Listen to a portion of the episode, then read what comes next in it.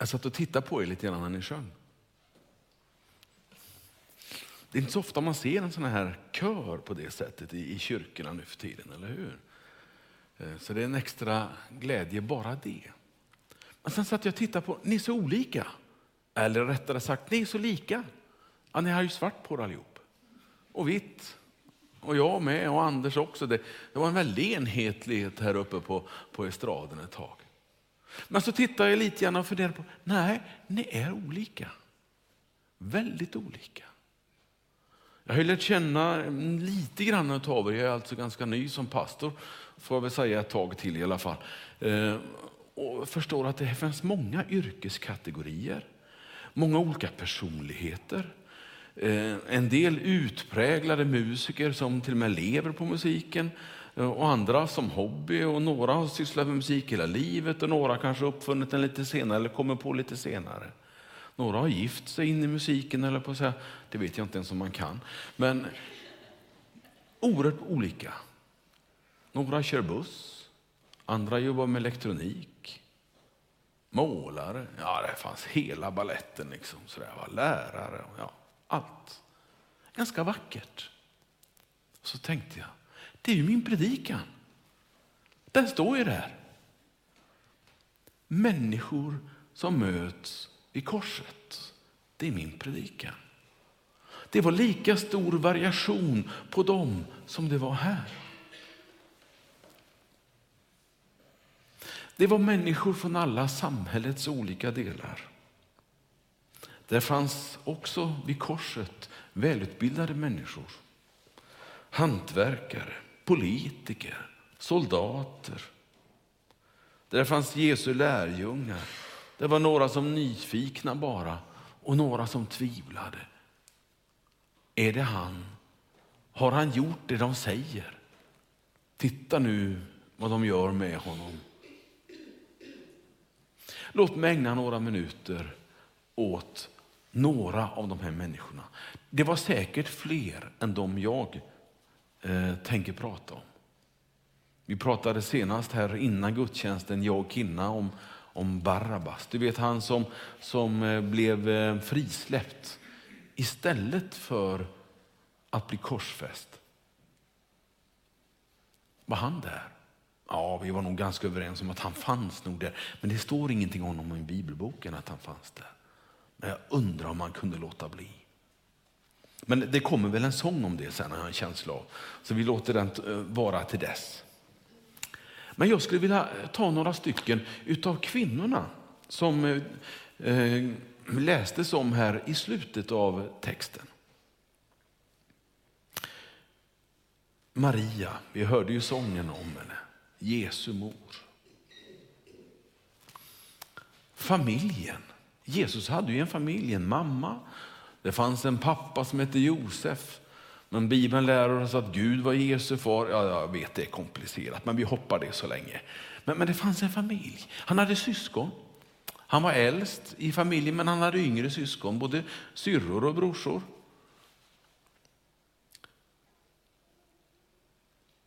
Maria, står det, trodde på honom. Och det gjorde de säkert hela familjen. För de hade ju levt med honom. De visste ju vem han var. Jag menar, vem känner inte familjen? Eller hur? Det går ju inte att, att, lura dem. Jag klarar inte av det i alla fall. Utan de vet ju vem jag är, min familj. Och så var det i Jesu familj också. De kände honom. Och de förstod att han var väldigt speciell. Han var Guds son. Han var den här som han själv sa och som människor berättade om. Och Det står så vackert om Maria. Jag älskar det lilla uttrycket. Hur hon beskrev händelserna för de som skrev ner evangelierna. Då står det, hon bevarade det i sitt hjärta. Hon bevarade det i sitt hjärta. Vi har också Maria från Magdala. Jag ska inte fastna så länge vid varje person för då, då kommer ni aldrig härifrån. Eh, utan eh, jag, jag nuddar vid dem lite mera. Maria från Magdala, den som Jesus hade befriat ifrån ondskan. som har varit med om så mycket elände i sitt liv. Som har levt ett liv som ingen, varken nu eller då, skulle vilja leva. Men hon hade gjort det och så hade hon mött Jesus och han hade befriat henne. Det är också hon. Visst är Gud skön. Det är också hon som faktiskt ser Jesus först av alla som han sen har mött efter sin uppståndelse. Det är hon som först får uppdraget att berätta för de andra grabbarna i lärjungarna, Petrus, Johannes och Matteus och allt vad de nu hette. Det är hon, den utstötta, den som inte hade egentligen något värdigt vittnesbörd att komma med enligt den dåtida regeln och, och juridiken. Hon fick uppdraget. Henne gav Jesus, henne gav Gud uppdraget. Kvinna, res på dig, höll på att säga. Kvinna, var stolt. Det är många män som har förkunnat om henne efteråt sen, men det var kvinnan som började. Det står också om kvinnor i övrigt som var ögonvittnen vid korset, vid graven, vid uppståndelsen. Mm. Troligen så är det viktiga berättare för evangelisterna. Det var källor.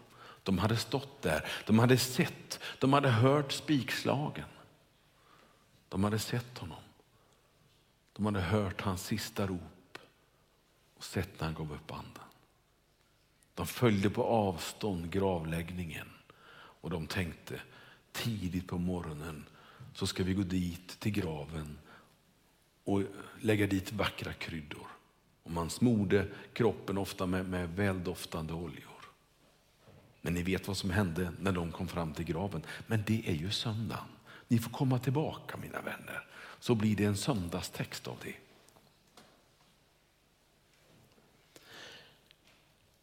Jesu fiender, de fanns där. Överste prästen, eller någon av, det fanns flera överste präster, mycket märkligt men så var det, fanns där. Skriftlärda, de som var experter på, på skrifterna som judarna läste ur. Religionens företrädare fanns där vid korset. Det står om dem. I vers 31 så nämns de. Det var de som dömde honom och hånade honom. Men det var inte de som verkställde domen, det var inte de som fällde den slutliga domen. Det var andra. Men de fanns där ledarna som skulle leda till goda och till fina. De var med och dömde Guds son till döden. Det judiska folket har alltid varit beskyllda för Jesu död på grund av det. Och det är fel. Det var inte judarna som dömde honom det var några ledare som inte kunde tänka sig att dela på makten över folket. De var rädda för att Jesus skulle vara kung. För att han skulle vara judafolkets ledare. De röjde honom ur vägen.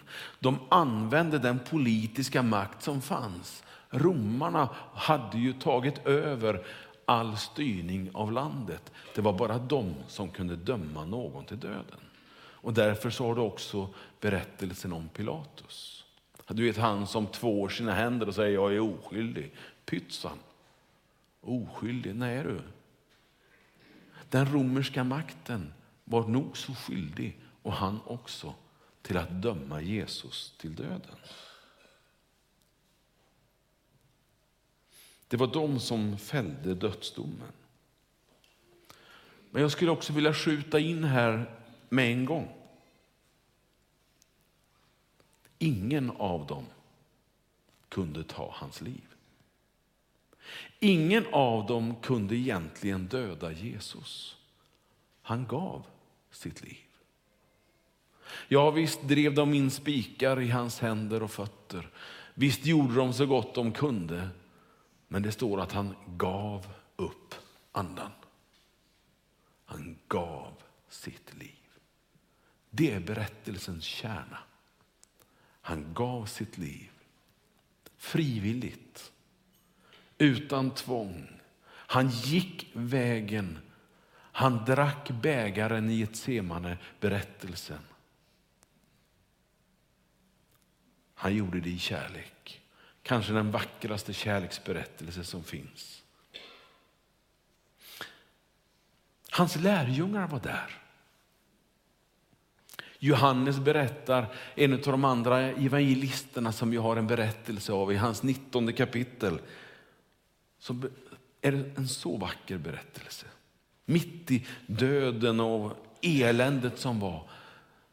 När han hänger där på korset, slagen, hånad, förnedrad, dödstrött, utsliten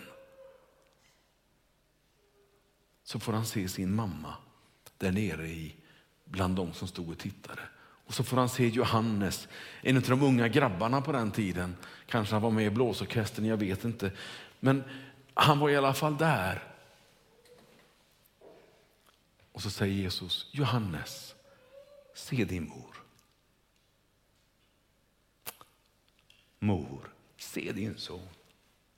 Vad häftigt. Att i den situationen tänka på andra i första hand. Det är berättelsen i Johannes evangeliet.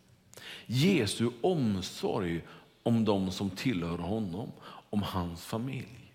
Och nu skulle jag gärna vilja lägga in en liten punkt om, om Guds barn som du och jag får vara. Jesus syskon som i så fall skulle bli. Men den måste jag hoppa över. Det får bli en annan predikan om Guds barn. Men det finns paralleller, det finns idéer, det finns tankar om Jesu omsorg om de som tror på honom, om de som följer honom, om de som finns i hans närhet.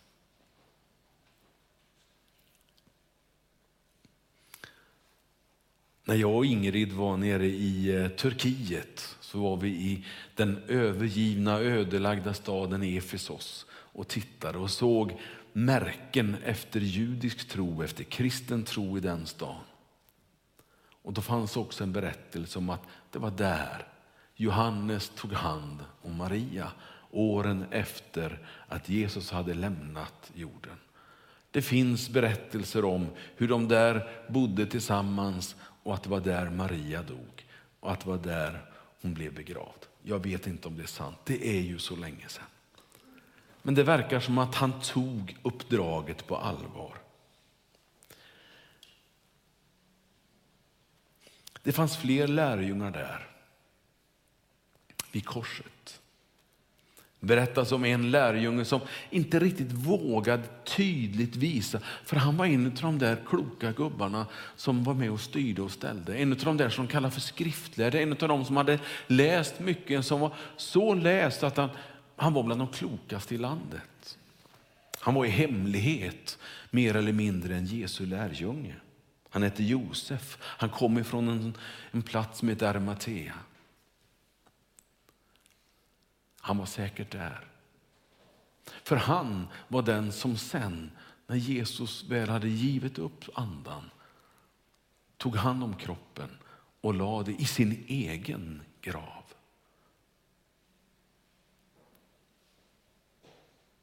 Han var där.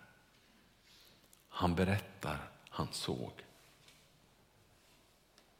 Vad gjorde lärjungarna? Ja, du vet inte så mycket om vad de gjorde. De stod där, Johannes var där. Men de stod säkert där på lite mer avstånd, för de var rädda. Den kaxige Petrus, han som hade sagt, det är lugnt Jesus, jag ska följa dig var du går. Jag ska vara med dig Jesus. Du kan lita på mig. Jag ska vara en klippa i gänget. Jag ska leda dem framåt. Han var bland de första som drog och lämnade. Han var bland de första som förnekade att de överhuvudtaget hade känt honom.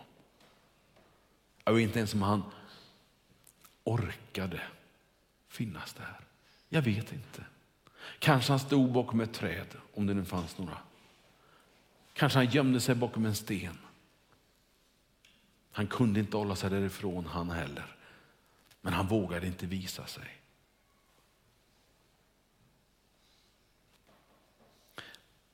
Det fanns andra där vid korset. En man som hette Simeon. Han var från Kyrene. Kommer du ihåg vad han gjorde? Jo, det var han som råkade finnas där och som de, när Jesus gick på knäna av tyngden av den stora tvärbjälke som han var tvungen att bära, fick ta över och bära för Jesus orkade inte. Inte drog han därifrån sen till Ica och köpte mjölk. Han var ju kvar. Det tror jag. Han var ju så tagen av denne man som han hade hört om och som han hade fått med och hjälpa att han inte kunde lämna platsen. Alla har nog sitt kors att bära. Du har ditt, jag har mitt. Vi har alla någonting som följer med i livet som vi gärna skulle vilja lämna. Eller hur?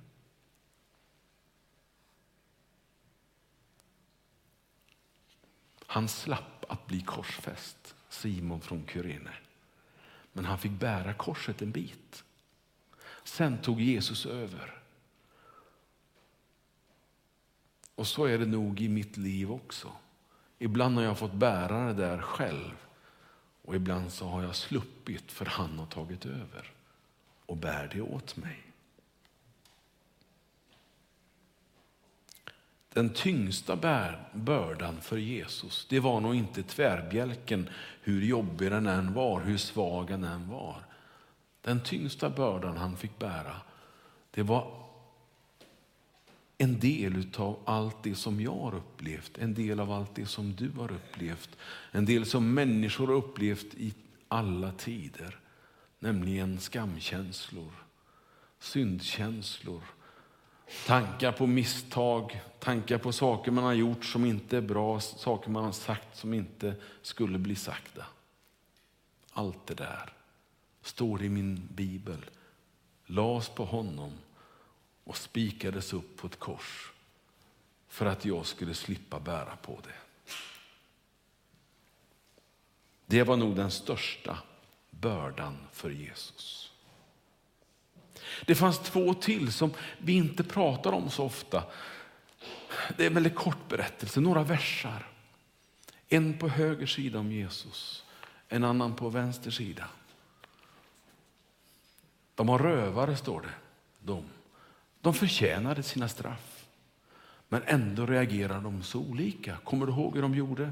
Den ene sa, ja, du det, det är lugnt, vi förtjänar det här allihopa. Så, so what? Och du Jesus, du förtjänar det också för du har ju sagt att du är kung. Men den på andra sidan han sa, nej du är oskyldig. Tänk på mig. Han bad om en liten tanke. Tänk på mig, sa han, när du kommer till det paradiset som du har talat om. Han trodde inte att han skulle gå dit själv. Han anade att han var på väg en annan, en annan riktning. Men då säger Jesus, det är lugnt.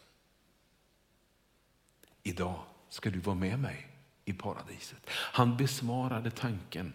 Mannen hann inte knäppa sina händer, han kunde inte av uppenbara skäl. Han kunde inte vara med i dopgraven. Han kunde, det var så mycket han inte hann, han inte kunde, han inte förmådde.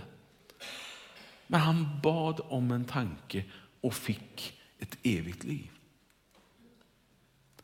Och den är av de vackrare berättelserna den här dagen. Och det fyller mig med en sån glädje. Det räcker med en tanke. Men varför inte ge honom hela livet? Lite före. Lite före. Varför vänta tills det snart är slut? Varför inte börja så tidigt det bara går? Varför inte starta långfredagen 2017 och säga Herre, jag ger dig mitt liv. Jag vill leva tillsammans med dig.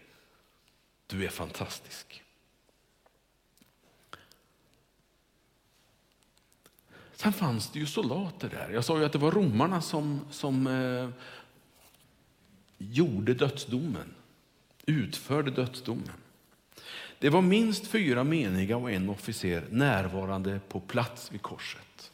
Förutom alla som var i stan, för det här var ju en, det här var en jättehändelse, ja påsken alltså, i Israel, i Jerusalem. De har ju massor, många hundratusen där.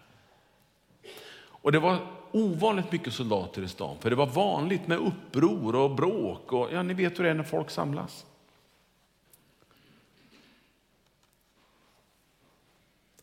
Så till den här avrättningen så hade man avdelat fyra soldater och en officer för att se till att det blev rätt gjort och för att ingen gjorde fel.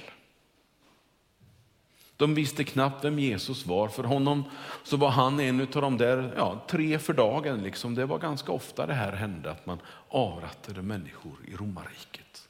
Det var inget ovanligt i Jerusalem. Det var ganska vanligt även i andra större städer.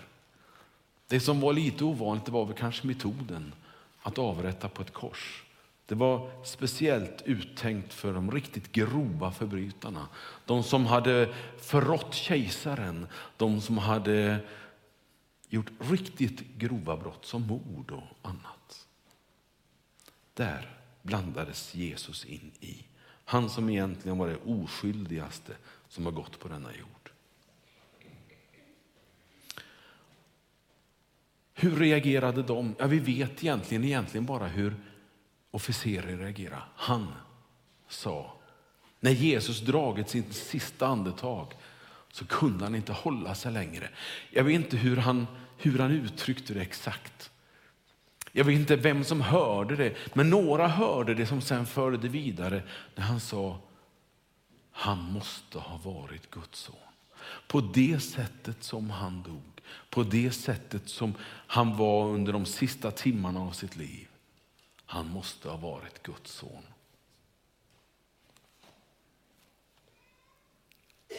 Alla de här som jag har berättat om, de var åskådare till det här som skedde.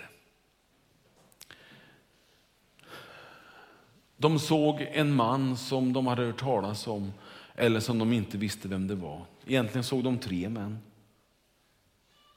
och som de jämställde allihopa. De andra två skulle kunna ha varit vem som helst av rövarna. Det skulle kunna ha varit Barabbas, en av dem. Men Jesus skulle ingen kunna ersätta. För Jesus var inte bara en människa som gick på jorden och berättade så mycket fantastiska saker om himlen, om Guds rike, om hur det är att vara människa, hur Gud har tänkt att vi ska leva. När det står berättas om honom redan från början så var det Gud och människa i ett.